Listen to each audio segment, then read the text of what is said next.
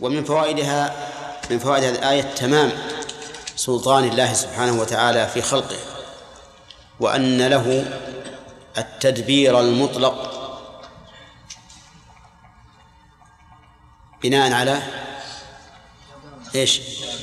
بناء على المقدر الذين قدرناه ليظهر بذلك أو ليتبين بذلك تمام سلطان الله ومن فوائدها أن الله سبحانه وتعالى قد يمتحن العبد ليعلم ليعلم إيمانه من عدمه بماذا؟ يمتحنه بأنواع من الامتحانات تارة بالمصائب وتارة بالمعائب تارة بالمصائب وتارة بالمعايب فهنا ابتلاء بماذا؟ بالمصائب وإذا يسر الله للإنسان أسباب المعصية فهذا امتناء ابتلاء بتيسير المعائب. مثل قوله تعالى يا أيها الذين آمنوا لا يبلونكم الله بشيء من الصيد تناله أيديكم ورماحكم ليعلم الله من يخافه بالغيب. ما تقول يا محمد؟ اشمل في هذه الآية. هذا الابتلاء ما ما هو؟ ابتلاء ابتلاء حتى من من يتعدى حدود الله سبحانه وتعالى. إيه لكن وش القصة؟ قصة قصة يعني قال قوله سبحانه وتعالى وليبلونكم الله بشيء من الصيد تناله أيديكم يا أيها الذين آمنوا لا يبلونكم الله ها بشيء من الصيد تناله أيديكم يعلم الله من يخاف وقوعه إيه. ومن اعتدى بعد ذلك فله عذاب إيه وش القصة؟ يعني حرم على المؤمنين الصيد وهم حرم إيه نعم صح حرم الله الصيد على المؤمنين وهم حرم فابتلاهم بصيد تناله أيديهم ورماحهم. يعني يمسك الإنسان الصيد بيده وبرمحه ما يحتاج إلى سهم. ليعلم الله من يخاف بالغيب. طيب من فوائد هذه الآية أن علم الله سبحانه وتعالى على قسمين. علمه بالأشياء على قسمين. علم بأنها ستوجد وهذا إيش؟ أزلي. وعلم بأنها وجدت وهذا يكون عند الوجود. ولهذا قال ولي يعلم الله الذين آمنوا. ومن فوائد هذه الآية أن الله تعالى قد يقدر المكروه لحكم بالغة كثيرة. لقوله وليعلم الله الذين آمنوا ويتخذ منكم شهداء. ومن فوائدها فضيلة الشهادة. من أين تؤخذ؟ من قوله ويتخذ منكم. فكأنه سبحانه اصطفى هؤلاء الشهداء واتخذهم لنفسه. ومن فوائد هذه الآية الإشارة بل فضيلة شهداء أحد. فضيلة شهداء أحد. لأن قوله يتخذ منكم شهداء أول من يدخل بهم في أم أول من يدخل فيها شهداء أحد رضي الله عنه. ومن فوائدها إثبات المحبة لله. أن الله يحب وجه ذلك أن نفيها عن الظالمين يدل على ثبوتها لغيرهم أو لضدهم يدل على ثبوتها لضدهم.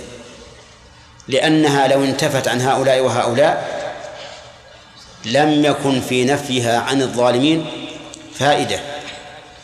ولهذا استدل الشافعي رحمه الله وغيره من أهل العلم على ثبوت رؤية المؤمنين لربهم في الآخرة بقوله تعالى كلا إنهم عن ربهم يومئذ لمحجوبون يعني الفجار. قال فلما حجب هؤلاء عن رؤيته في السخط دل على رؤية الآخرين في حال الرضا. وهذا لا شك استدلال جيد. فهنا نقول لما نفى المحبة عن الظالمين دل على ثبوتها على لمن؟ لمن كان ضده لأنها لو كانت منتفية عن هؤلاء وهؤلاء لم يكن لتخصيص الظالمين فائدة. المحبة يعني كون الله يحب الشخص. هل فيها نقص بالنسبة لله؟ ها؟ لا. ولهذا كان أهل السنة أهل السلف يثبتون أن الله تعالى يحب يثبتون أن الله يحب وأنه يحب أيضا. كما قال تعالى فسوف يأتي الله بقوم يحبهم ويحبونه. ومحبة الله سبحانه وتعالى إذا وفق العبد لها لا يعادلها شيء ولا يماثلها لذة. يجد الإنسان في محبة الله لذة لا توصف أبدا. حتى إن السلف بعض السلف يقول لو يعلم الملوك وأبناء الملوك ما نحن فيه لجالدونا عليه بالسيوف. الله أكبر. الملوك هم في قمة النعيم الدنيوي. أليس كذلك؟ وأبنائهم كذلك. لكن أحباب الله وأولياء الله أعظم منهم في هذا النعيم. أعظم منهم في هذا النعيم. يقول لو يعلم الملوك وأبناء الملوك ما نحن فيه يعني من اللذة والسرور لجالدون عليه بالسيوف. ويدل لهذا قوله تعالى من عمل صالحا من ذكر أو أنثى وهو مؤمن فلنحيينه حياة طيبة. طيب إذن نقول من مذهب أهل السنة والجماعة إثبات المحبة لله أن الله يحب وأنه يحب. طيب هل من الناس من أنكر محبة الله؟ نعم من الناس من أنكر محبة الله. لكنه ليس إنكار تكذيب بل إنكار تأويل. فقال المراد بالمحبة الإرادة. أو الثواب. الإرادة أو الثواب. فمعنى يحب أي يريد أن يثيبهم. أو إيش؟ أو يثيبهم. معنى يحبهم يعني يثيبهم. وهؤلاء هم الأشاعرة. ومن كان أشد منهم في التعطيل. الأشاعرة يقولون حرام عليك أن تقول إن الله يحب. حرام عليك.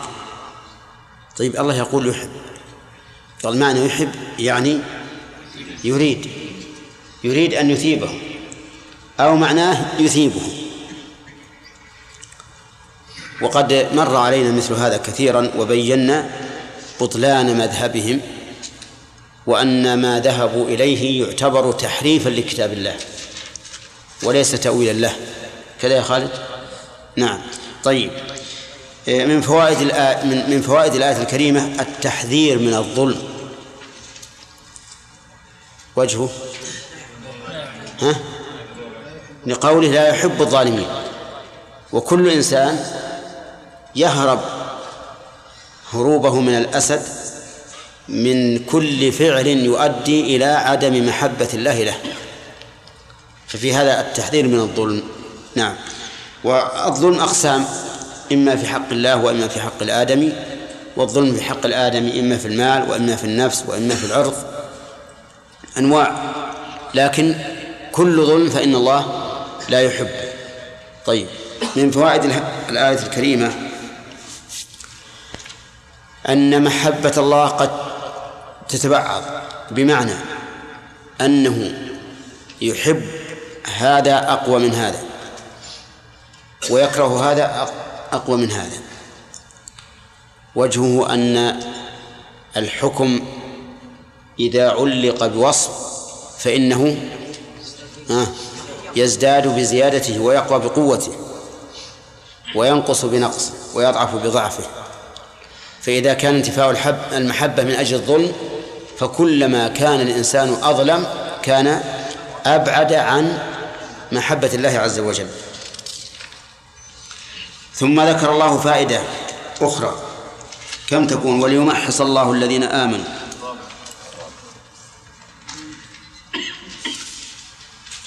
الرابعة.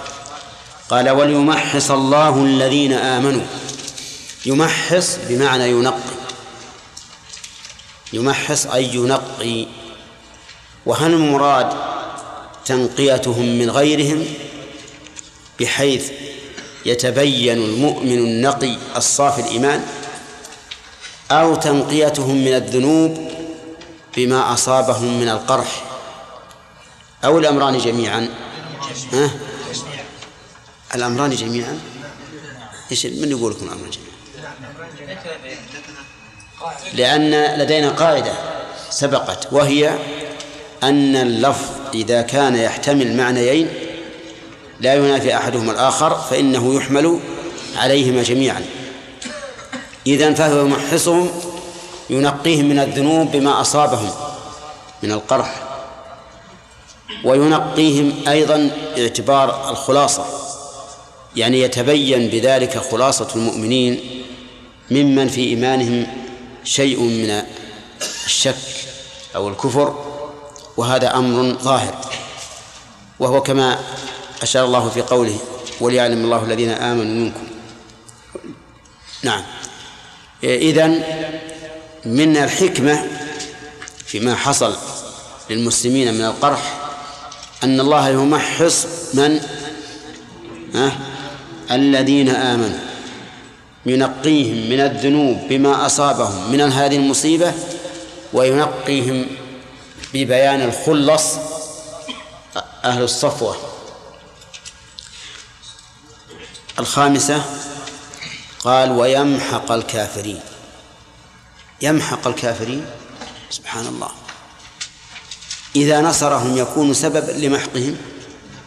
أه؟ نعم يكون سببا لمحقهم. لأنهم إذا انتصروا علوا واستكبروا وانتفخوا في أنفسهم وظنوا أن لهم السيطرة دائما.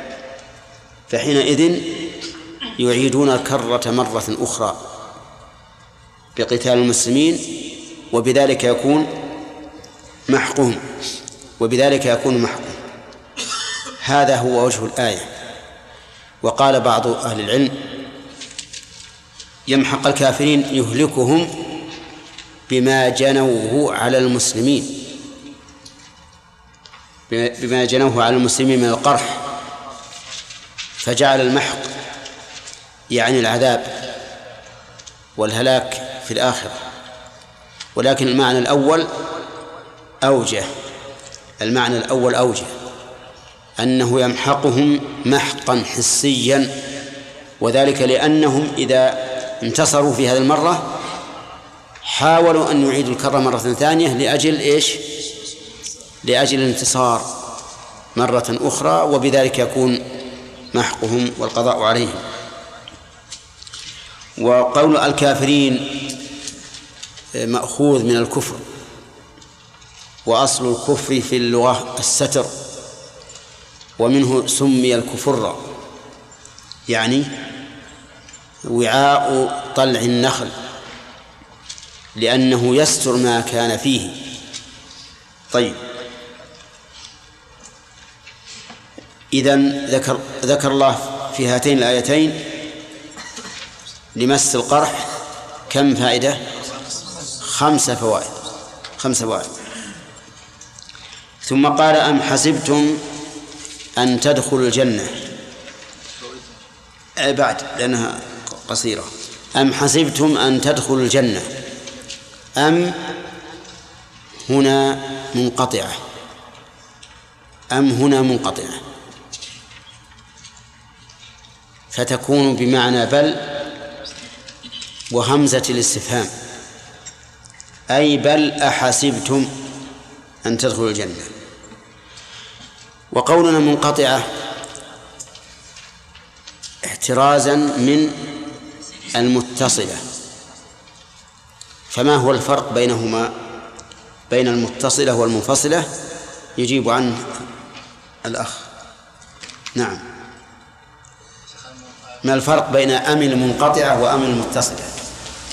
المتصلة مع عاطفة مع العاطفة وهذه عاطفة لا تكون الجملة الأولى يعني متصلة بالجملة الثانية؟ عاطفة الجملة الثانية. وهذه عاطفة يعني يكون لها تعلق بها. هذه ابتداء كلام جديد. بعد نبي نبي زيادة هذا أم متصلة هو الذي يكون وقوع أحد الأمرين متيقنا وبعضه يذكر أم متصلة مثل أو يعني هذا ولا هذا. ويذكر بعض بعضه بعد الاستفهام حقيقة أو لفظا ويليه مع الحمد أحد الأمرين. هذا شروط. إيه. الفرق بين الوجه الأول أن هذه بمعنى منقطع بمعنى بل والهمزة بمعنى أمر نعم هذه المنقطعة بمعنى بل والهمزة وهذيك بمعنى أو. يذكر معها المعادل ها؟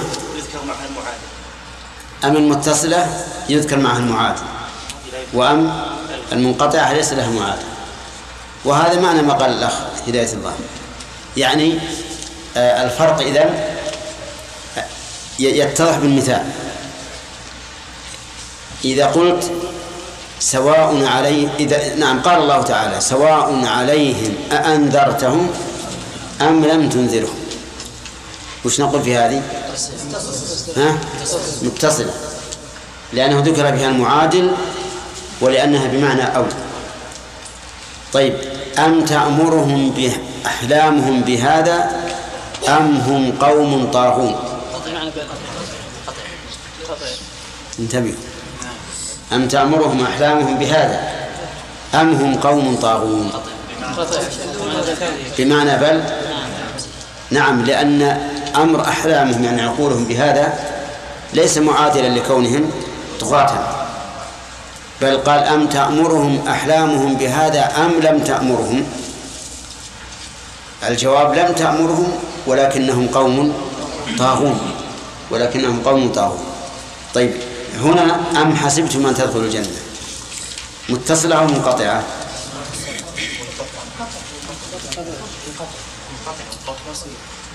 ولكن ال- الجواب ضعيف جدا. حتى الذين أجابوا بأنها منقطعة يلا تسمع أصواتهم. إيش تقول الآن؟ منقطعة؟ نعم. لأنه لم يذكر المعادل ولأنها بمعنى بل والهمزة. أم حسبتم أن تدخلوا الجنة؟ أي أظننتم أن تدخلوا الجنة. والاستفهام هنا للتوبيخ. يعني هل تظنون أن تدخلوا الجنة بلا اختبار؟ ولهذا قال ولما يعلم الله الذين جاهدوا منكم ويعلم الصابرين. ولما يعلم الجنة هي مأوى المتقين. ودار الخلد جعل الله وإياكم من أهلها. ولما يعلم الله لما يعلم لما هنا جازمة. والدليل على جزمها أن الفعل جزم. الدليل على أنها جازمة أن الفعل جزم بعدها. ونسأل الأخ الذي وراء شيبة هل الفعل بعدها مجزوم؟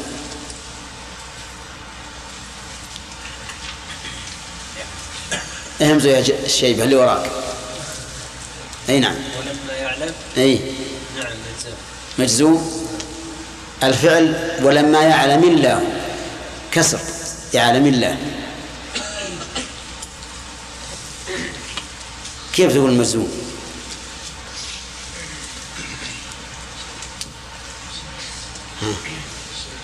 طيب. أي نعم.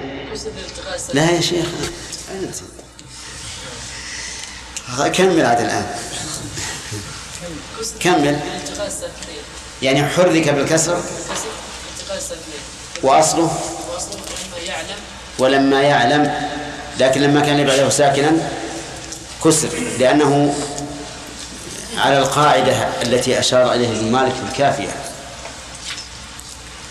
إن ساكنان التقيا اكسر ما سبق. وإن يكن لينا فحذفه استحق. إن ساكنان استويا آه، التقيا. إن ساكنان التقى يكسر ما سبق. وإن يكن لينا فحذفه استحق. طيب آه، قوله لما يعلم لما قلنا إنها جازمة بدليل أن الفعل جزم بعدها لكنه حرك بالكسر لالتقاء الساكنين. هل تأتي لما غير. غير جازمة؟ أريد أن نستذكر ما مضى. هل تأتي لما غير جازمة؟ ها؟ زيادة. زيادة.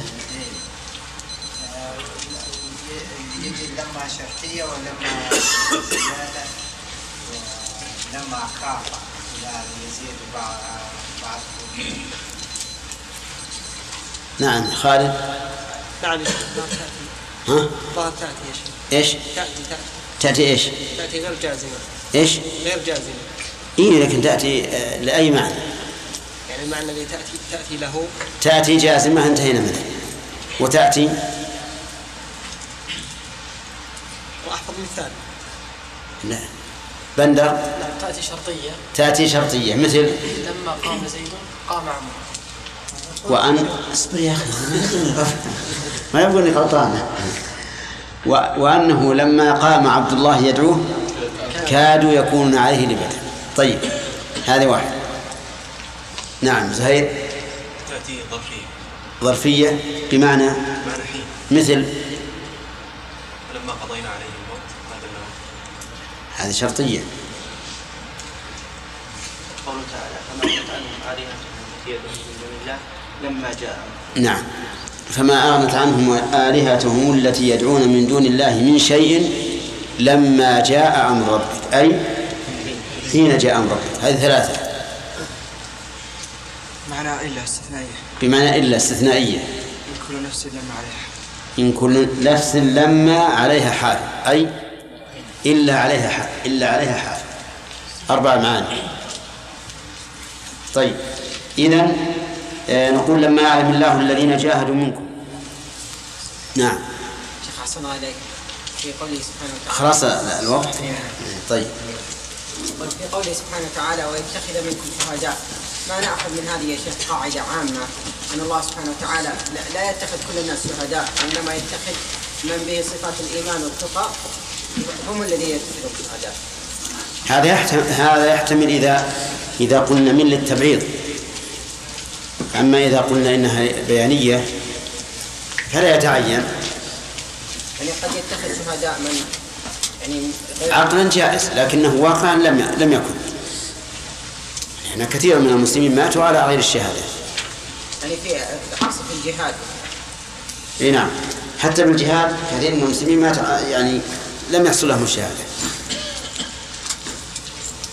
ما نأخذ قاعدة عامة لا ما نأخذ قاعدة لأن ما دام من تحتمل أن أن تكون بيانية ما يمكن ما نجزم بانها للتبعيض نعم.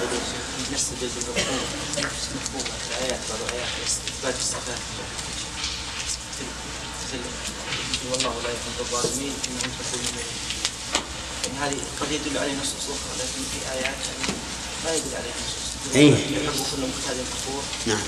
مفهومها أنه يحب غير الكفور اي يحب من من من انتفع عنه ذلك. لا والله والله لا يحب كل مختلف اي نعم. غير المختال وغير الكفور يعني يمكن هل نقول يحبه الله نعم يحب من انتفت عنه عنه هات- هاتان الصفتان. بس يمكن يكون متصل بغير هاتين نعم يمكن يتصل بصفة أخرى توجب كراهته وبصفة أخرى توجب محبته.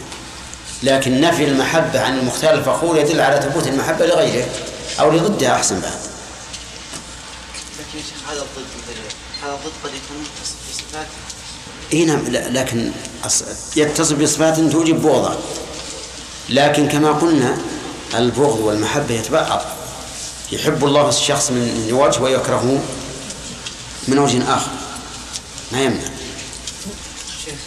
نعم يا آدم يعني بعد الناس إذا أصابتهم مصيبة. إيش؟ بس يعني من بعد الناس إذا أصابتهم مصيبة. بعض الناس. أي نعم يعني استدل في هذه الآية. تلك الأيام نداولها بيننا هل الاستئذان والإعلان؟ وش تقولون يا جماعة؟ صحيح؟ أي نعم صحيح. نعم.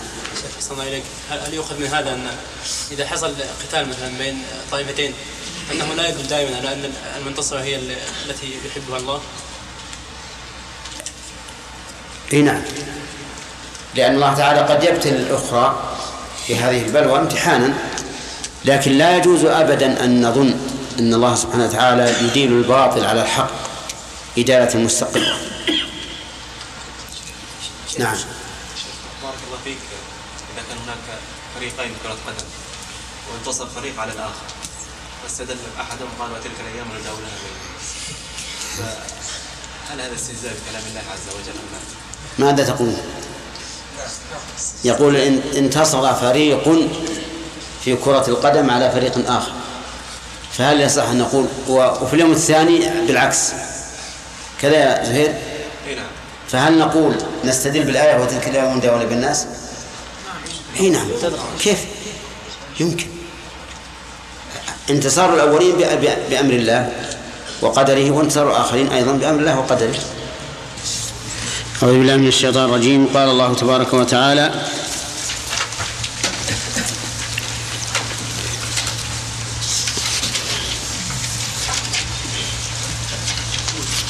واليوم يحص الله الذين آمنوا ويمحق الكافرين. هذا خلصنا منه. نعم. أخذنا فوائده. ها؟ أخذنا الفوائد. المثبت مقدم على النافع. المثبت مقدم على النافع.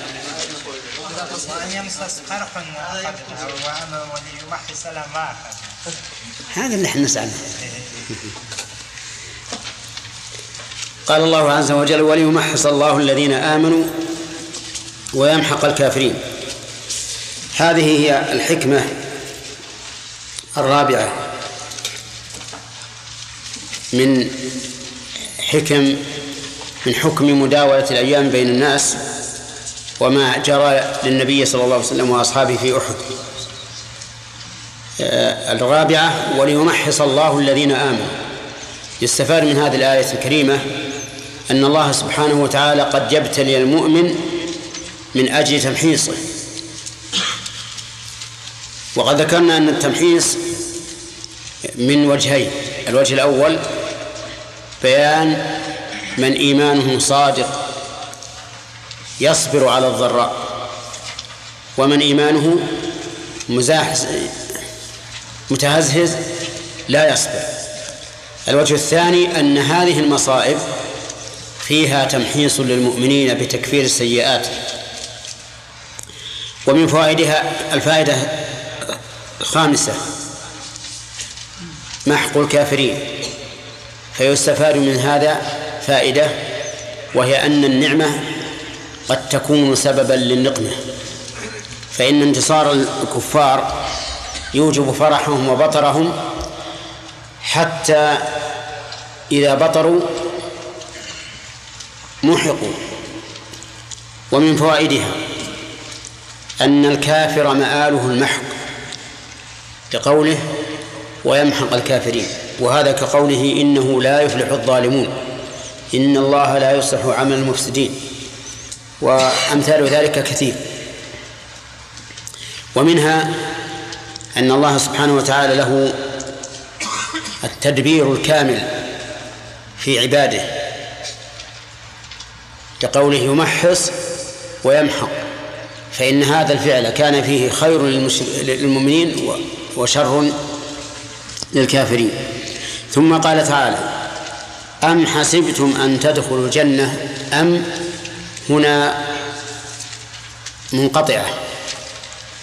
بمعنى بل وهمزة الاستفهام.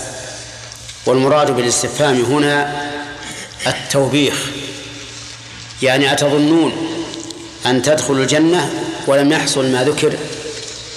وقول حسبتم أي ظننتم فالحسبان هنا بمعنى الظن أن تدخلوا الجنة وهي دار المتقين التي أعدها الله سبحانه وتعالى لهم وفيها ما لا عين رأت ولا أذن سمعت ولا خطر على قلب بشر وكل مؤمن بها لا بد أن يسعى لها ويرجو دخولها.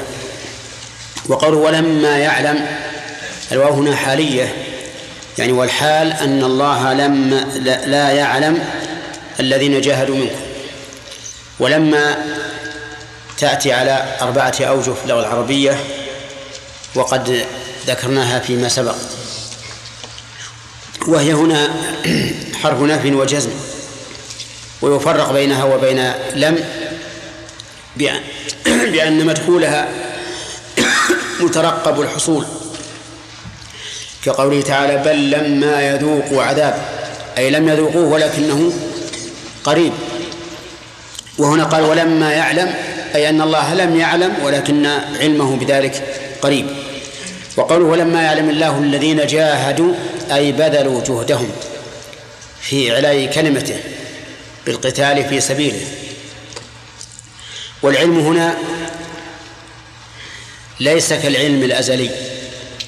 فإن علم الله عز وجل نوعان أزلي سابق لا يترتب عليه ثواب ولا عقاب وعلم بما حصل بعد حصوله وهذا هو الذي يترتب عليه الثواب والعقاب.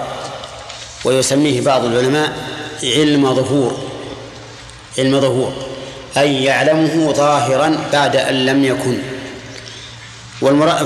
فالمراد بالعلم هنا إيش؟ العلم الشيء بعد كونه ووجوده لأنه هو العلم الذي يترتب عليه الثواب والعقاب وقوله ولما يعلم الله الذين جاهدوا منكم قلنا الذين بذلوا جهدهم وطاقتهم في إعلاء كلمته. ويعلم ويعلم الصابرين. يعلم معطوفة على يعلم السابقة ولهذا جاءت مجزومة لكنها حركت بالكسر لالتقاء الساكنين. يعلم الصابرين أي الذين يصبرون على ما أصابهم. ها؟ عندكم بالفتح؟ أنا ظننتها بالكسر. ولما يعلم الله لا يجاهده منكم ويعلم هي بس مشكورة عندكم. أي نعم. لا بالفتح. نعم. ها؟ ولما يعلم الله الذين جاهدوا منكم ويعلم الصابرين. هي فيها قراءة بالكسر هي بالجزم. عندك؟ قوله ويعلم الصابرين العام على فتح الميم وفيها تخريجان. أشهرهما بعده. بعد هذه والثاني. الثاني تمنوا لا لا. هم قال العامة ضد عامة. العامة على فتح الميم. وفيها تخريجان أشهرهما الفعل منصوب ثم النصب بأن مقدرة بعد الواو المقتضية للجمع كهي في قولك لا تأكل السمك وتشرب اللبن أي لا تجتمع بينهما وهو, وهو مذهب البصريين أو بواو الصرف وهو مذهب الكوفيين يعنون أنه كان من حق هذا الفعل أن يعرب بإعراب ما قبله.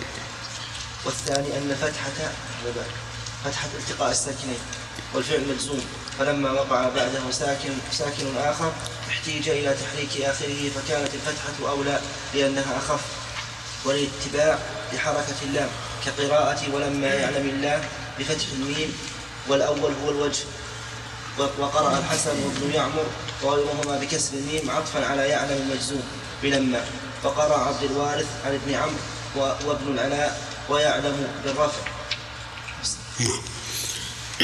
لكن القراءة ليست سبعية القراءة الأخريان ليست سبعية. طيب يعلم إذن ويعلم الصابرين بالفتح. ولم ويعلم الصابرين يعلم بالفتح. وهنا فيها ثلاث أوجه في الإعراب. الوجه الأول أن الواو واو المعية. كقولهم لا تأكل السمك وتشرب اللبن. لا تأكل السمك وتشرب اللبن. ولنقف على هذا المثال لننظر اختلاف المعنى باختلاف اللفظ. تقول لا تأكل السمك وتشرب اللبن فيكون لها معنى. وتقول لا تأكل السمك وتشرب اللبن فيكون لها معنى آخر غير الأول. وتقول لا تأكل السمك وتشرب اللبن فيكون لها معنى غير الأول والثاني. فما معناها على الوجه الأول؟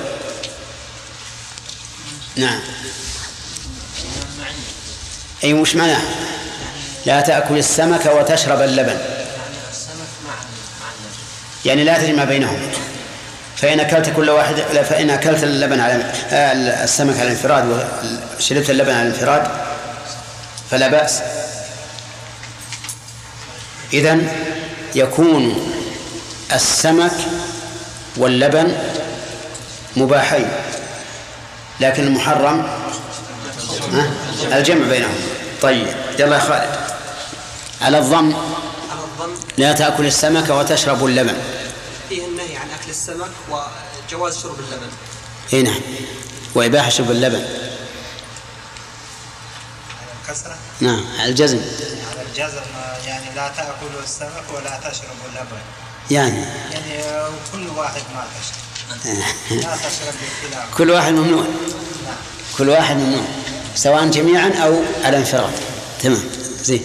طيب ولما يعلم ولما يعلم الله الذين جاهدوا منكم ويعلم الصابرين يعني ومع علمه للصابرين. والصبر هنا في هذا المقام يشمل الصبر بأنواعه الثلاثة وذلك لأن الجهاد فيه صبر على طاعة الله وفيه صبر عن معصية الله وفيه صبر على على الأقدار المؤلمة. أليس كذلك؟ ففيه الصبر على طاعة الله لأن الإنسان يصبر نفسه ويحبسها قال الله تعالى كتب عليكم القتال وهو كره لكم. فلا بد من أن يصبر الإنسان نفسه ويحبسها حتى يخرج في الجهاد. فيه صبر عن معصية الله عن الفرار حين يتلاقى الصفان. فإن هذا يحتاج إلى صبر وتحمل لأن صبر الإنسان قبل الدخول في المعركة قد يكون محتملا. لكن بعد الدخول وإذا رأى السيوف أمام وجهه فإنه قد يفر. ولهذا قال الله تعالى ومن يولهم يومئذ دبره إلا متحرفا لقتال أو متحيز إلى فئة فقد باء بغضب من الله. صبر على أقدار الله المؤلمة لأن الجهاد لا يخلو من جراح ومن تعب ومن عناء ومشقة ففيها أنواع الصبر الثلاثة. ويعلم الصابرين. في هذه الآية الكريمة بيان من الفوائد أن أن التمني رأس مال المفاليس. نعم. طيب. فيه أن الصبر رأس مال المفاليس. تمني قصد التمني رأس مال المفاليس.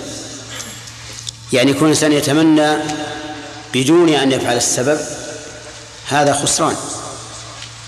رأس مال المفلس الذي لن يحصل شيئا. لقوله أم حسبتم أن تدخلوا الجنة ولما يعلم الله الذين يجاهدوا منكم إلى آخره وفيه من فوائدها أن الجنة لا تدرك بالتمني.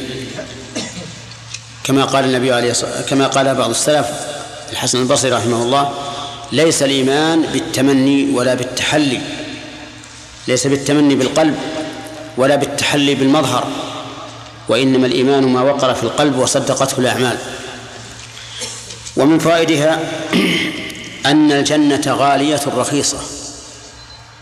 غالية لكون ثمنها غاليا لأنه بذل النفوس في طاعة الله والجهاد لإعلاء كلمته.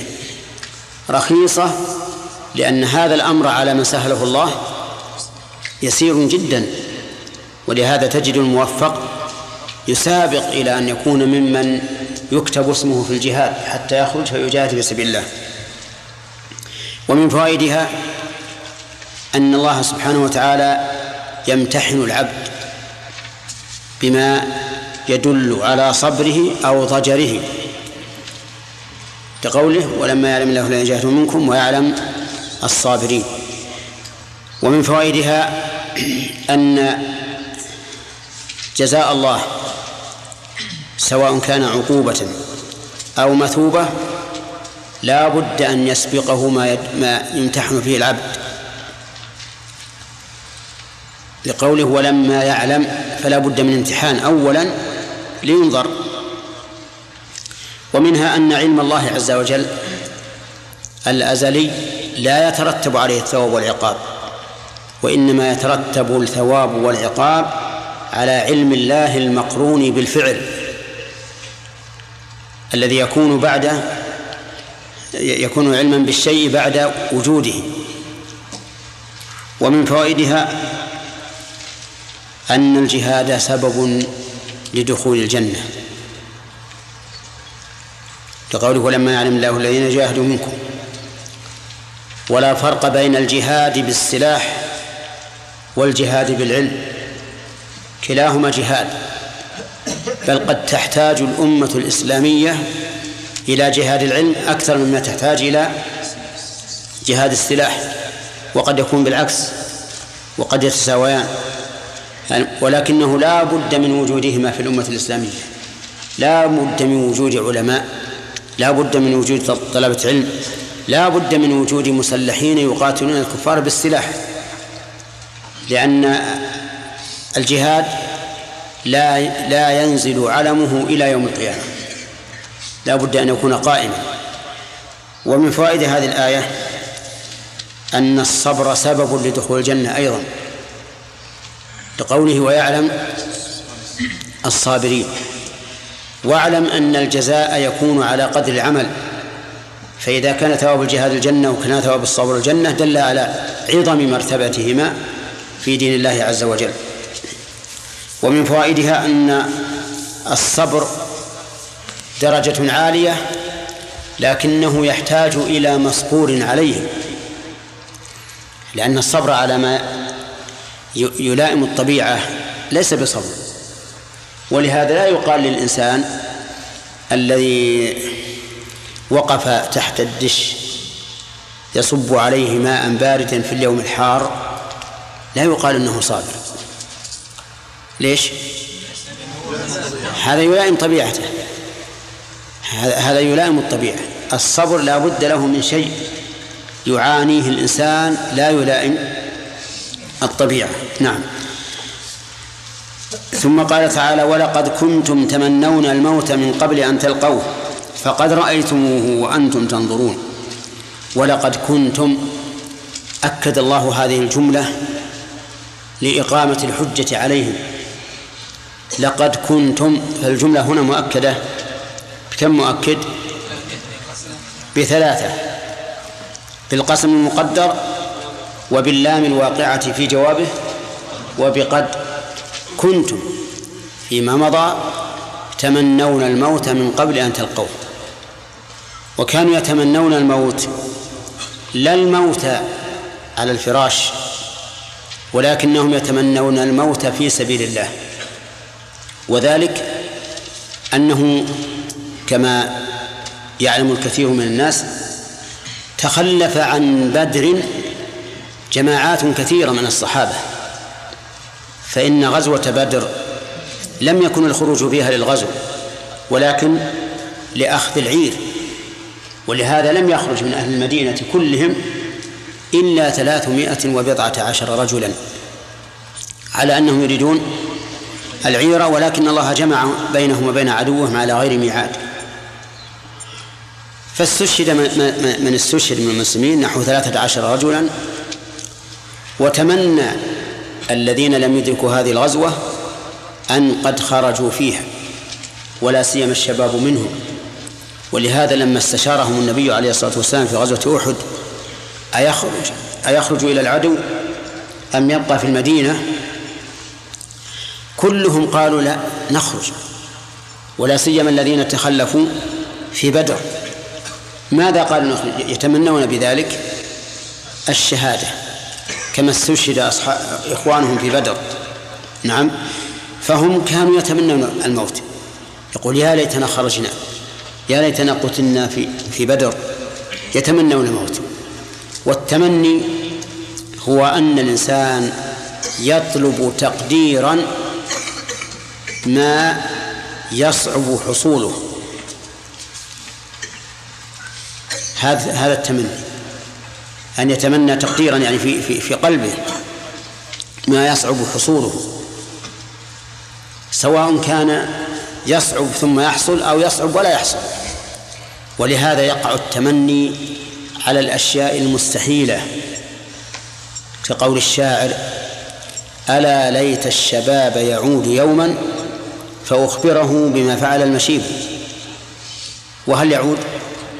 لا يمكن أن يعود. طيب ويكون في الشيء الذي الذي فيه العسر العسر. ولكنه قليل. طيب إذا يتمنون الموت يعني في نفوسهم يتمنون أنهم كانوا مع أهل بدر استشهدوا فقتلوا في سبيل الله. من قبل أن تلقوه فقد رأيتموه يعني فقد حصل لكم ما تمنون. الذي أنتم تمنوه حصل لكم. وأنتم تنظرون يعني رأيتموه وأنتم على أشد ما يكون إحساسا. وتأمل قوله وأنتم تنظرون هل هي مؤكدة أو مؤسسة؟ أكثر المفسرين على أنها مؤكدة. قال لأن من رأى فقد نظر ولكنها في الحقيقة مؤسسة. لأن الإنسان قد يرى ولكن لا يحقق ما رأى. قد يرى الشيء وهو غافل عنه لكن إذا رآه وهو ينظر إليه تماما قد ركز فهذا نظر خاص أخص من النظر العام. نحملها على ذلك لأن الأصل في الكلام التأسيس لأن التوكيد نوع زيادة التوكيد نوع من الزيادة ليس فيه إلا توكيد ما مضى وقد لا يحتاج إليه لكن التأسيس هو الأصل. إذا يقول الله عز وجل أن كنتم تمنون الموت من قبل ويقيم على ذلك الشهادة بالتوكيد لقد كنتم تمنى الموت. فقد رأيتموه وأنتم تنظرون فلماذا يحصل منكم هذا اتخاذ؟ نعم ولهذا قال فقد رأيتموه أي الموت؟ ها. نعم رأيتموه أي الموت؟ رأوا من استشهد في غزوة أحد رأوه بأعينهم. وذهب بعض المفسرين إلى أن المراد رأوه أي رأوا أسبابه وهو القتال. لأنه لأن من لم يقتل لم يرى الموت ولكن هذا تفسير فيه نظر. لأن رؤية الموت يراه الإنسان في نفسه وفي غيره. فقد رأيتموه يعني فيما بينكم. وأنتم تنظرون. في هذه الآية من المشاكل النحوية قوله تمنون حيث إن صورته صورة الماضي ولكنه صيغ بصيغة المضارع اصبر يا شيخ في إشكال. لأن تمنى ماضي. تمنى ماضي. هل نعطيها الأخ هداية الله ولا من تعجل شيئا قبل أوانه؟ نعم. يلا. حذف التاء تاء تاء المضارع ولقد كنتم تتمنون الموت. أحسنت. أصلها تتمنون الموت. طيب نريد من هداية الله أن يأتي لنا بمثال آخر في القرآن. كثير إذا اجتمع التاءان منه أنا أريد واحد. واحد مثال واحد في القرآن يشهد لهذا. تذكروا. لعلكم تذكروا صح. أي تتذكرون. فأنذرتكم نارا تلظى أي تتلظى. طيب وهو كثير كما قال الله. في هذه الآية من من من الفوائد أولا إقامة الحجة على من كانوا يتمنون الموت وقد رأوه ومع ذلك حصل منهم اتخاذ. لقد لقوله لقد كنتم تمنون الموت من قبل أن تلقوه فقد رأيتموه يعني فها أنتم الآن رأيتموه. فما موقفكم؟ وفيه أنه لا ينبغي للإنسان أن يتمنى المكروه. لأنه إذا تمناه ووقع ربما إيش؟ ينقص ولا يصبر. وقد قال النبي عليه الصلاة والسلام لا تتمنوا لقاء العدو واسألوا الله العافية. فإذا لقيتموهم فاصبروا فإن الجنة تحت ظلال السيوف. وهكذا الإنسان قد يشعر بنفسه أنه يقوى على الشيء. ولكن يعجز عنه. وقد ذكروا أن سحنون صاحب مالك رحمه الله كان من العباد. فقال يوم من الأيام كلاما معناه يا رب إني صابر فكيف ما شئت فامتحني شبه ابن آدم فقير مسكين. يعني أصبر على كل بلاء فامتحني يا رب. فأصيب بعسر البول. صار لا يبول إلا بمشقة شديدة. قالوا فكان يدور على مدارس الصبيان. مدارس اللي فيها الصبيان الصغار. فيقول ادعوا لعمكم الكذاب. ادعوا لعمكم الكذاب. وذهب إلى الصبيان لأنهم أقرب إلى الإجابة. لطهارة قلوبهم وسلامتها و... و... ولا ذنوب عليهم. الكذاب لأنه قال إني أصبر فكيف ما شئت من امتحني ولم يصبر. وهكذا الإنسان ينبغي له أن يسأل الله العافية. لكن إذا ابتلي فليصبر. ومن فوائد هذه الآية أنه لا بأس أن يوبخ الإنسان من تحدى واتخذ لمكانه مكان مكانا عاليا إذا وجده قد تخاذل في هذا المكان. مثل لو كان رجل من الناس يزعم أنه صبور وأنه جلد وما أشبه ذلك فإذا أتى لمت به الأمور صار جبانا هلوعا لا يتحمل فيذكره فيذكره. أظن أحد الشعراء كان يقول في شعره الخيل والليل والبيداء تعرفني والسيف والرمح والقرطاس والقلم. شجاعة وعلم كتابة كل شيء. فحصلت غزوة وكان فيها هذا الشاعر فأراد أن ينهزم ويولي الدبر وإذا حوله أناس قد حفظوا هذا هذا البيت من شعره فقالوا ما لك يا فلان؟ وأنت تقول الخيل والليل والبيداء تعرفني والسيف والرمح والقرطاس والقلم. فعتب على نفسه ورجع وأظن إن لم أكن نسيت أنه قتل. نعم. فالإنسان قبل أن يصاب بالبلاء قد يشعر من نفسه أنه قوي يصبر لكن يعجز. فإذا ذكرت أحدا بشيء كان يفتخر به ويقول أنا أفعل وأنا أقول وأنا أصبر فهذا لا بأس به. ولكن هل هل هذا محمود إذا كان الأمر ضارا أو ينظر للمصلحة. ينظر للمصلحة.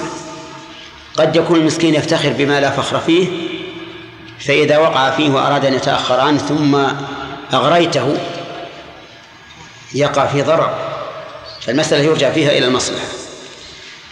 ومن فوائد هذا هذه الآية جواز تأكيد على رأي من يرى أن قوله قد رأيتموه وأنتم تضرون فيها توكيد أي جواز تأكيد اللفظ إذا دعت الحاجة إليه. وكان ذلك مقتضى البلاغة. بل قد يكون مطلوبا كما في هذه الآية. فهذه الآية على قول بأن قوله وأنتم تنظرون توكيد وأنها لا ت... لم تأتي بمعنى جديد. أما على القول الراجح الذي رجحنا بأنها, بأنها أتت بمعنى جديد فإننا لا نأخذ هذه الفائدة من هذه الآية لكن نأخذها من آية أخرى. مثل وما أدراك ما يوم الدين ثم ما أدراك ما يوم الدين. كلا سوف تعلمون ثم كلا سوف تعلمون.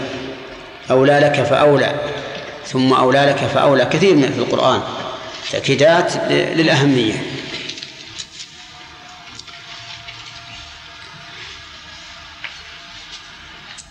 ثم قال الله تعالى وما محمد الآية يقول كنتم تتمنون تمنون الموت. والرسول عليه الصلاة والسلام نهى عن تمنى نعم. كيف؟ أي نعم هذه الواقع أنها سؤال يحتاج إلى التنبيه عليه. هم كانوا يتمنون الموت. ذكرنا في التفسير يتمنون إيش؟ الشهادة. الموت في سبيل الله.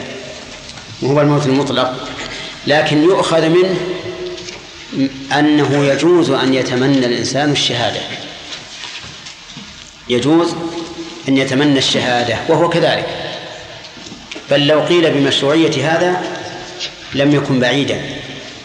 وقد قال عمر رضي الله عنه اللهم ارزقني الشهادة في سبيلك والموت في بلد رسولك. رضي الله عنه. فكان الناس يقولون كيف هذا الدعاء؟ وكيف يجاب؟ المدينة بلد إسلامي. ولكنه رضي الله عنه أجاب الله دعاءه. قتل ظلما وهو يصلي ولم يقتل لأنه عمر بن الخطاب قتل لأنه قائم بأمر الله منفذ لشريعة الله قتله مجوسي مضاد للمسلمين حرب على المسلمين. فقتل في سبيل الله في مدينة الرسول عليه الصلاة والسلام فمات فيها. فتمني الموت جائز. لكن ذكر بعض المتأخرين أنه لا قصد تمني الشهادة. ذكر بعض المتأخرين أنه لا يجوز أن تتمنى الشهادة. قال لأن تمنيك الشهادة يستلزم أن أن الأعداء يغلبون المسلمين. فتأملوا هذا هذا الكلام هل هو حق ولا باطل؟ ما دام المؤذن يؤذن. قد خلت من قبله الرسل. الآية الأولى سبق الكلام عليها وعلى فوائدها. وهنا قال وما محمد إلا رسول قد خلت من قبله الرسل. محمد يعني محمد بن عبد الله بن عبد المطلب القرشي الهاشمي خاتم الأنبياء. ما محمد إلا رسول قد خلت من قبله الرسل. هذا هو محط الفائدة. أما كونه رسولا فهذا أمر معلوم. لكن محط الفائدة قوله قد خلت من قبله الرسل توطئة لما بعده وهو قوله أفإن مات أو قتل انقلبتم على أعقابكم. يعني أن رسول الله صلى الله عليه وسلم رسول قد خلت من قبله الرسل فماتوا من قبله ومنهم من قتل. كما قال تعالى ويقتلون النبيين بغير حق فإذا كان كذلك فهل أقوامهم لما ماتت أنبياؤهم أو قتلوا هل تركوا أديانهم؟ الجواب لا لم يتركوا الأديان. وذلك لأن الأمم إنما تعبد الله وتتبع الرسل والرسل, والرسل لا تنقطع رسالتهم بموتهم بل رسالتهم باقية ما بقيت الرسالة حتى يأتي رسالة تنسخها. أما رسالة النبي صلى الله عليه وسلم فإنه لا ناسخ لها لأنها آخر الرسالات.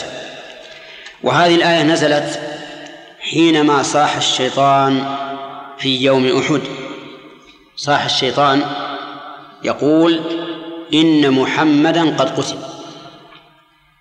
فلما قال هذا فت ذلك في أعضاد الصحابة رضي الله عنهم. أولا لأن موت النبي صلى الله عليه وسلم مصيبة عظيمة تحزن القلب وتضعف النفس. وثانيا لأن محمد صلى الله عليه وسلم كان قائده. وإذا مات القائد فإنه لا شك سيكون له أثر على الذين يقتادون بقيادته فلما شاع الخبر بأن محمدا صلى الله عليه وسلم قتل حصل ما حصل على المسلمين فأصابهم غم بغم. وصار عند بعضهم بعض الشيء ولكن الله عز وجل وبخه. فقال وما محمد إلا رسول قد خلت من قبله الرسل. فإذا كان كذلك فهل الرسل الذين سبقوا وماتوا أو قتلوا هل قوم هل ارتد أقوامهم من بعدهم؟ لا ولكن بقيت الرسالات وبقي الأتباع. وهنا قال أفإن مات أو قتل انقلبتم على أعقابكم. الهمزة هنا لاستفهام التوبيخ. يعني أفتنقلبون على أعقابكم إن مات أو قتل؟ هذا لا يليق بكم ولا ينبغي لكم.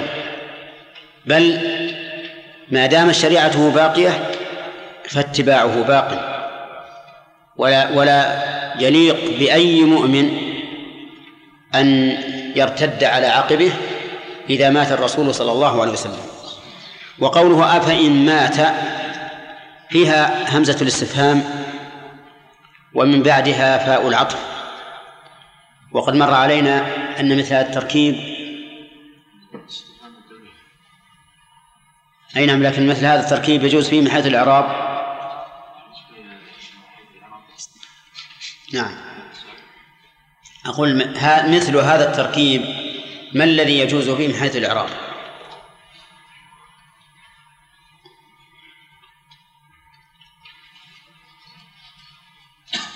ما في شيء؟ نعم. يجوز إعرابها على وجه إعرابها على وجهين. الوجه الأول أن هي الهمزة الآن قبل الفاء. أفإن مات. ها أو تكون بعد الفاء. ما هو واضح؟ أن تكون الهمزة الاستفهام في مكانها. ها والفاء التي بعدها أو حرف العطف الذي بعدها. محمد. حرف العطف الذي بعدها يكون هذا إذا جعلنا ال- ال- الهمزة على ما هي عليه في مكانها وحرف العطف بعدها. لا لا. حرف العطف الذي بعدها نعم. إذا جعلنا الهمزة في مكانها لم لم تغير. فحرف العطف الذي بعدها يكون عاطفا على على شيء محذوف. شيء محذوف ها وما وما تقدير هذا الشيء المحذوف؟ بما يناسب آه، يعني المقام. بما يناسب المقام. طيب هذا وجه. الوجه الثاني؟ الوجه الثاني أن نجعلها على ما هي عليه ونقول أن أن نجعل الهمزة في مكانها. يعني الإعراب. نقول أن حمزة آه، قدمت للصدارة. إيه لكن هل هذا مكانها الأصلي أو لا؟ على هذا الوجه الثاني. لا تكون لا, لا, لا تكون مكان أصلي أن يكون مكان الهمزة بعد حرف العطف ولكن قدمت من أجل الصدارة. وبناء على هذا الوجه لا يحتاج إلى تقدير. يكون يكون العاطف عاطفا على ما سبق يعني على الشيء المذكور السابق. طيب. قال الله تعالى أفإن مات أو قتل انقلبتم؟ هذه جملة شرطية إن مات فعل الشرط وانقلبتم على أعقابكم جواب الشرط. ولكن محل التوبيخ هو هو جواب الشرط في الحقيقة. لأنه يوبخهم على انقلابهم على تقدير أن يكون مات أو قتل. أي أتنقلبون على أعقابكم إن مات أو قتل؟ لا يليق بكم. وقالوا إن مات أي بغير فعل بشر أو قتل بفعل البشر. وقوله انقلبتم على أعقابكم أي رجعتم على الوراء. والأعقاب جمع عقب وهو العرقوب. والمنقلب على عقبيه يكون ماشيا على غير هدى. كالذي يمشي مكبا على وجهه. وقد قال الله تعالى أفمن يمشي مكبا على وجهه أهدى أم من يمشي على صراط مستقيم سويا على صراط مستقيم. وهذه والانقلاب على العقبين أعظم وأبلغ لأن الانقلاب على العقب يمشي الإنسان فيه على غير الهيئة المعتادة. يمشي على غير الهيئة المعتادة على أنه يحتمل أن يكون المراد بالانقلاب على العقب أي أنه يسقط على على قفاه ولا يستطيع أن يتقدم أو يستقيم.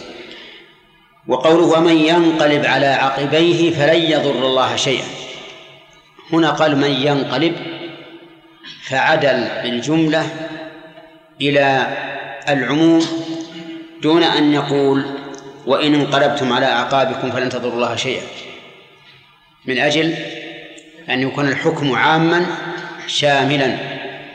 فقوله من ينقلب هذه من شرطية تعم كل منقلب على عقبيه.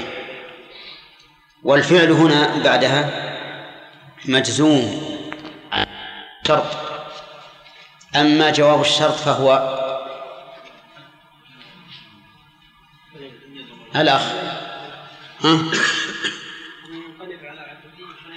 فلن يضر الله شيئا. المعروف أن جواب الشرط يكون مجزوما. وهنا منصوب؟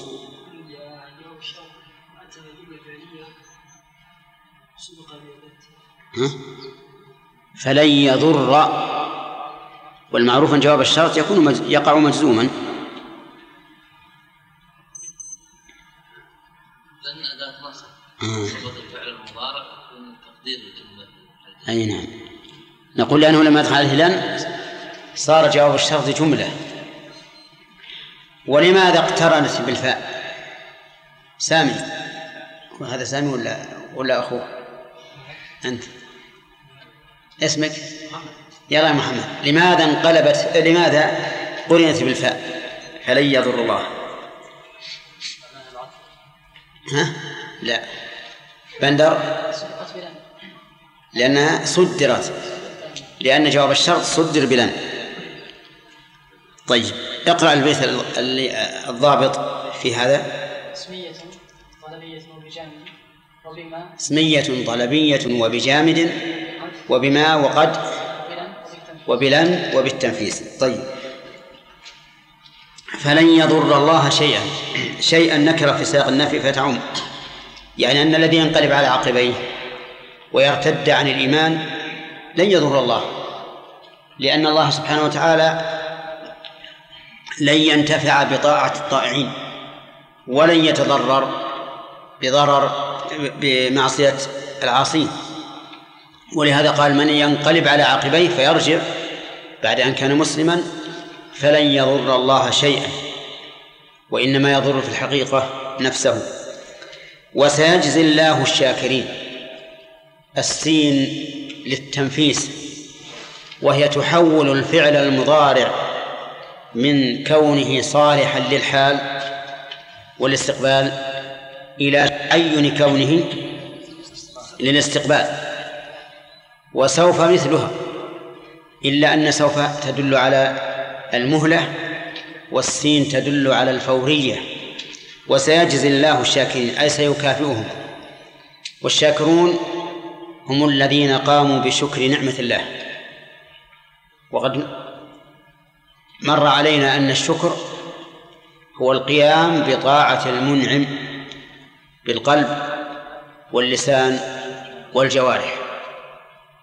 فالاعتراف بالقلب بأن النعم من الله شكر.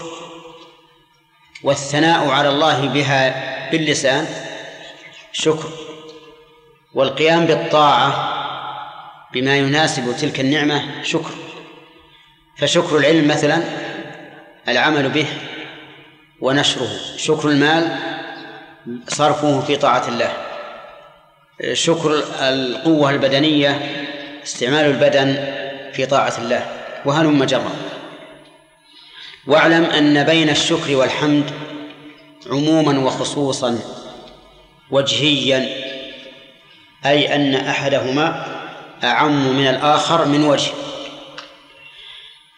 فباعتبار أن الحمد يكون لكمال المحمود ولإنعام المحمود يكون أعم من الشكر. وباعتبار أن الحمد يكون باللسان يكون أخص من الشكر. الشكر باعتبار كونه متعلقا بالقلب واللسان والجوارح أعم من الحمد. وباعتبار أنه في مقابلة نعمة أخص من الحمد. يقول الشاعر أفادتكم النعماء مني ثلاثة يدي ولساني والضمير المحجبة وبهذا التقرير نعرف أنه ليس بين الحمد وبين الشكر ترادف. بل هما متباينان. يتفقان فيما إذا حمد الله سبحانه وتعالى على نعمته. كما لو أكل أو شرب فقال الحمد لله. فهذا يعتبر شكرا وحمدا. شكرا وحمدا. ويختلفان فيما إذا حمد الله على كماله فهنا لا يكون هذا من باب الشكر. وإذا حمد وإذا شكر الله بجوارحه فليس هذا من باب الحمد. قال وسيجزي الله الشاكرين بماذا يجزيهم؟ بين الله سبحانه وتعالى هذا المجمل في قوله من جاء بالحسنة فله عشر أمثالها الأخ العمود ومن جاء بالسيئة فلا يجزى إلا مثله. من جاء بالحسنة فله عشر أمثالها. هذا الجزاء. وصح عن النبي صلى الله عليه وسلم أن الله يضاعف الحسنة إلى سبع حسن إلى عشر حسنات إلى سبعمائة ضعف. ثم قال ناخذ الفوائد. في هذه الآية بيان أن رسول الله صلى الله عليه وسلم بشر يلحقه الموت كما يلحق جميع الرسل.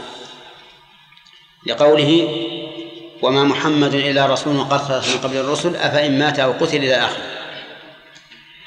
وفيه أيضا أن النبي صلى الله عليه وسلم ليس ربا فيدعى ولا إلها فيعبد.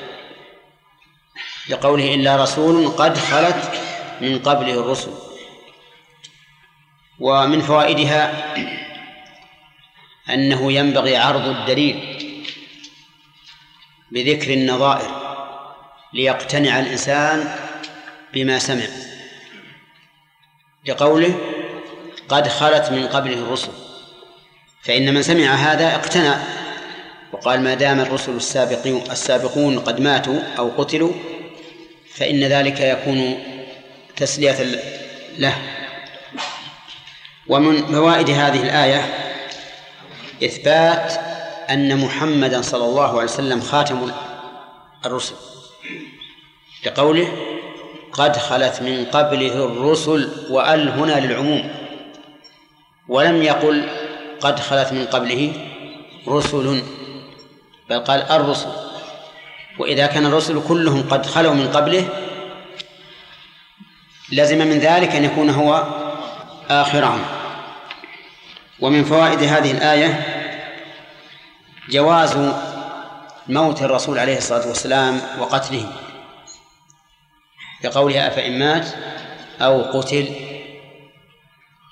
فإن قال قائل يشكل على هذا أن الله قال في الشهداء ولا تحسبن الذين قتلوا في سبيل الله أمواتا بل أحياء عند ربهم يرزقون ولا تقولوا لمن يقتل في سبيل الله أموات بل أحياء ولكن لا تشعرون فإذا كان هذا في الشهداء فكيف يكون الرسول صلى الله عليه وسلم ميتا مع أنه أفضل من الشهداء؟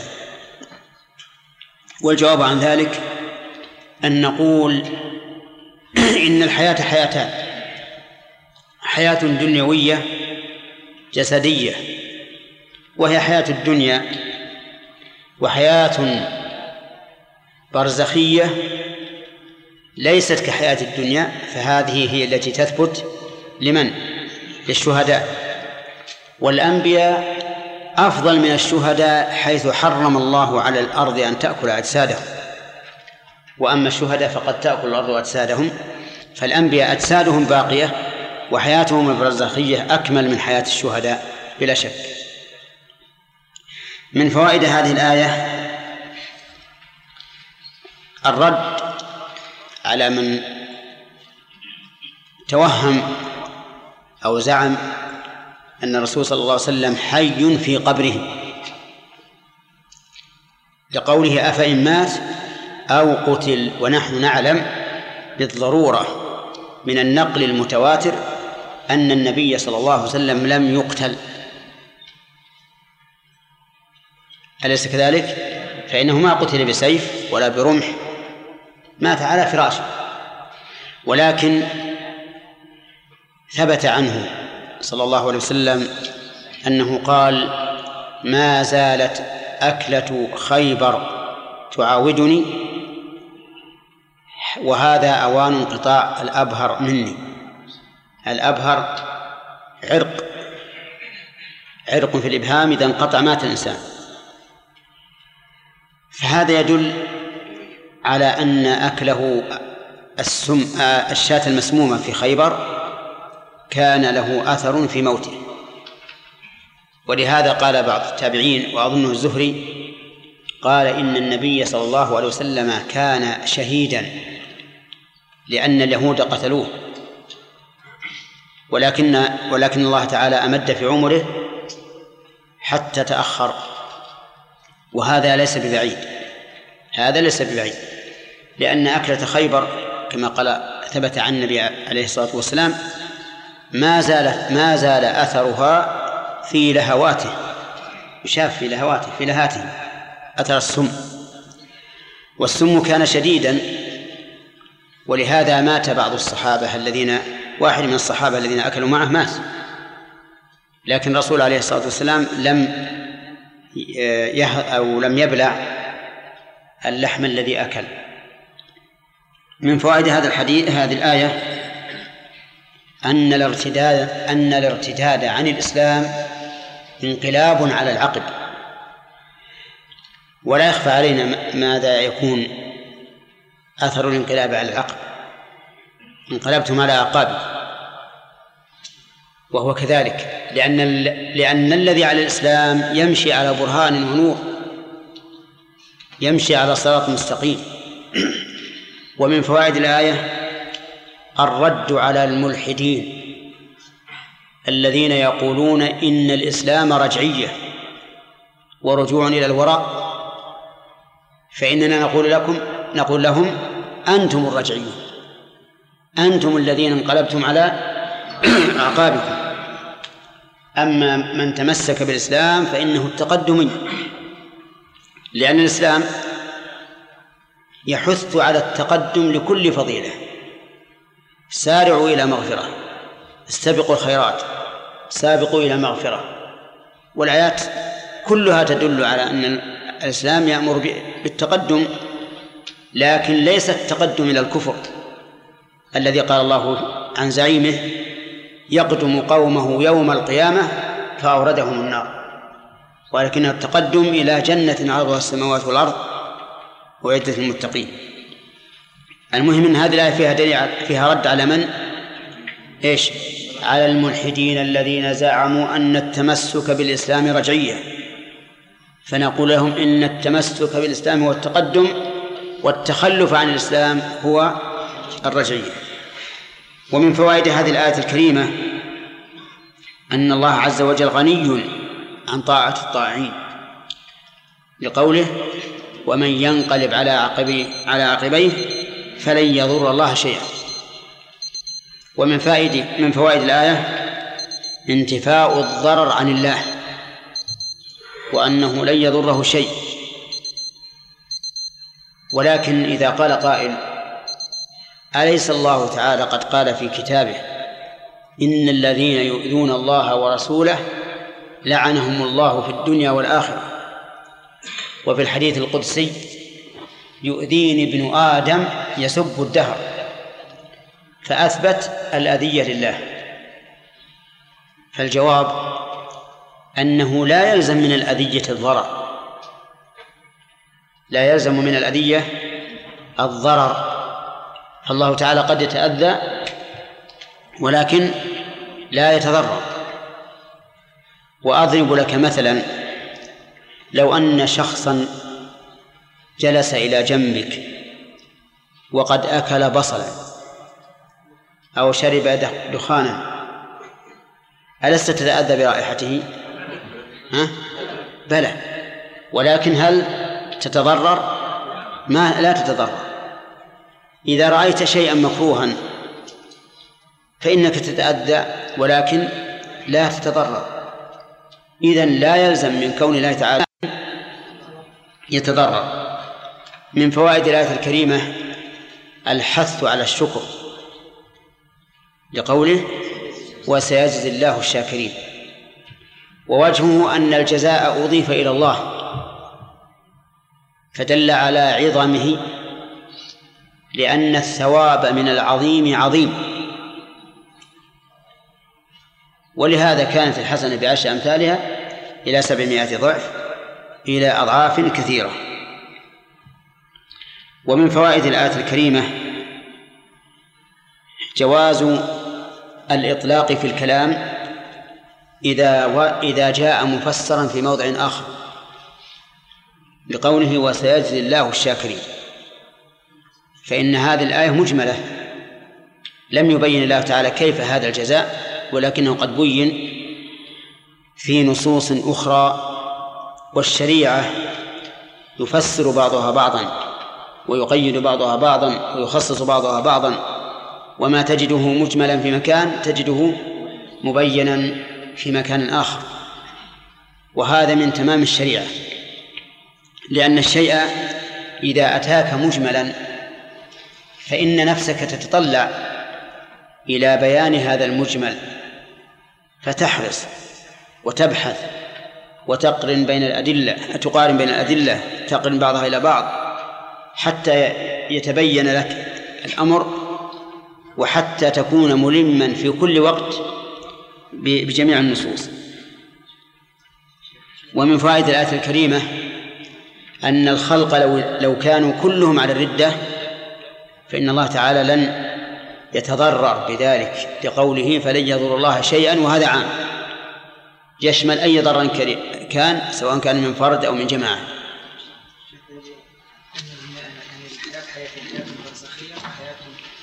دنيوية.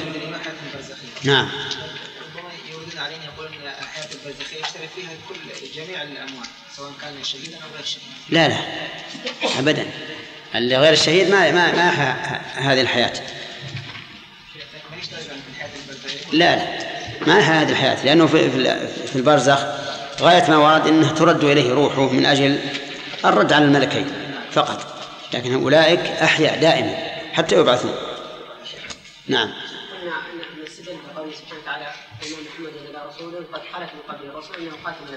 نعم. نعم. الآية التي ورد فيها نعم.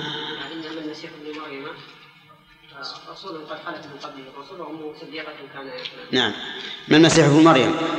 إلا رسول قد خلت من قبله الرسل وأمه صديقة. طيب هذا صحيح. هذا يدل على العموم.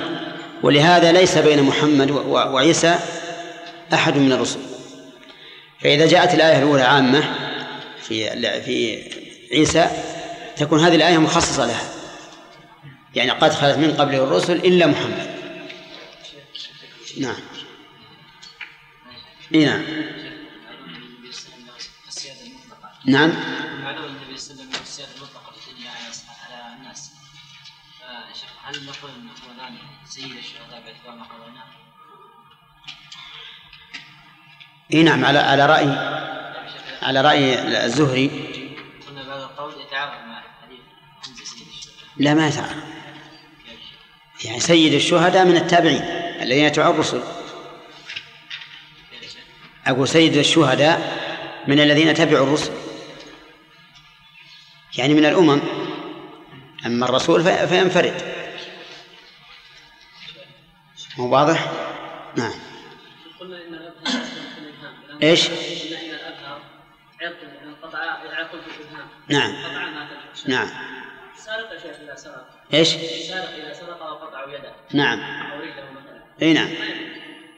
طيب إذا قطع. إذا قطعوا يده يجب أن تحسن.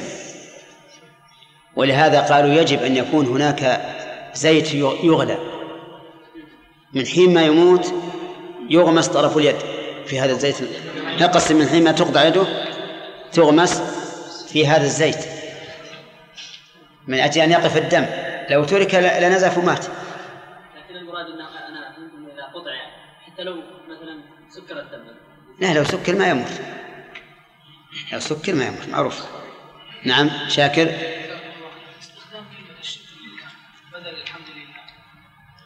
صحيح. ما فيها شيء. نعم. ما يقال الحمد ورد كثيرا أنت ما تقول هل يجوز أن يقول الشكر لله ولا لا؟ نقول لا بأس. أفضل إيش؟ حسب حسب الحال.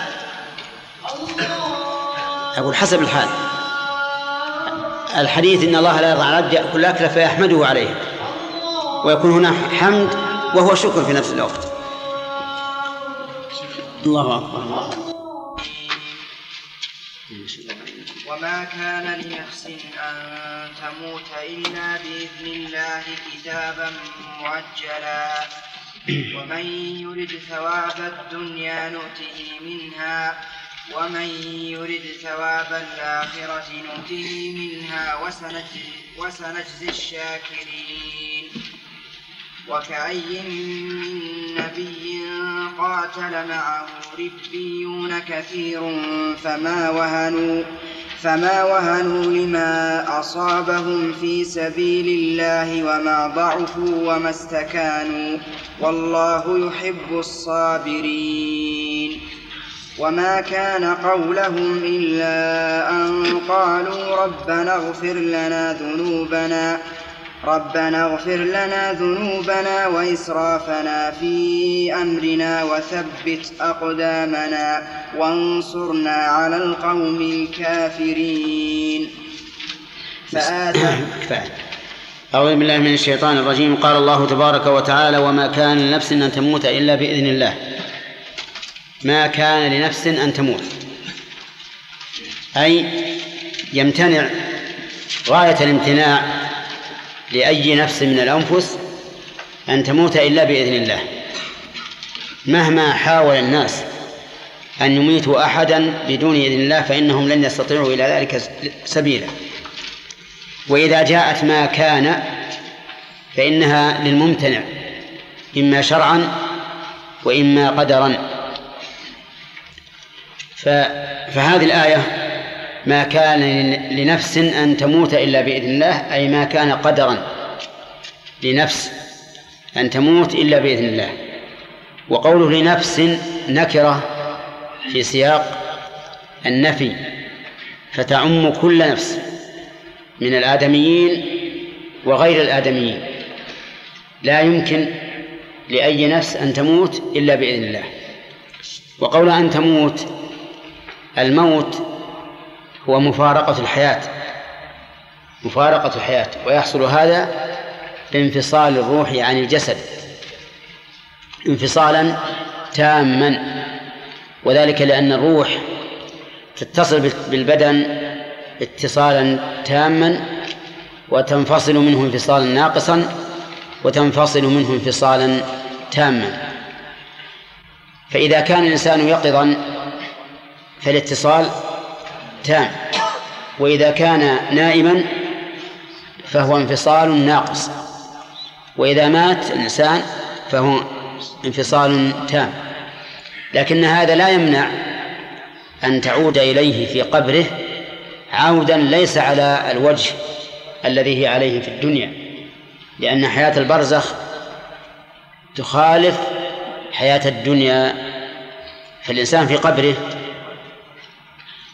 تعاد إليه روحه ويجلس ويخاطب ويتكلم ويفهم ولكن ليست هذه الحياة كحياة الدنيا لأنها لو كانت حياة الدنيا لهلك فورا إذ أنه مغموط بال بالتراب الذي فوقه وربما يكون غرقا في ماء أو محترقا في بنار.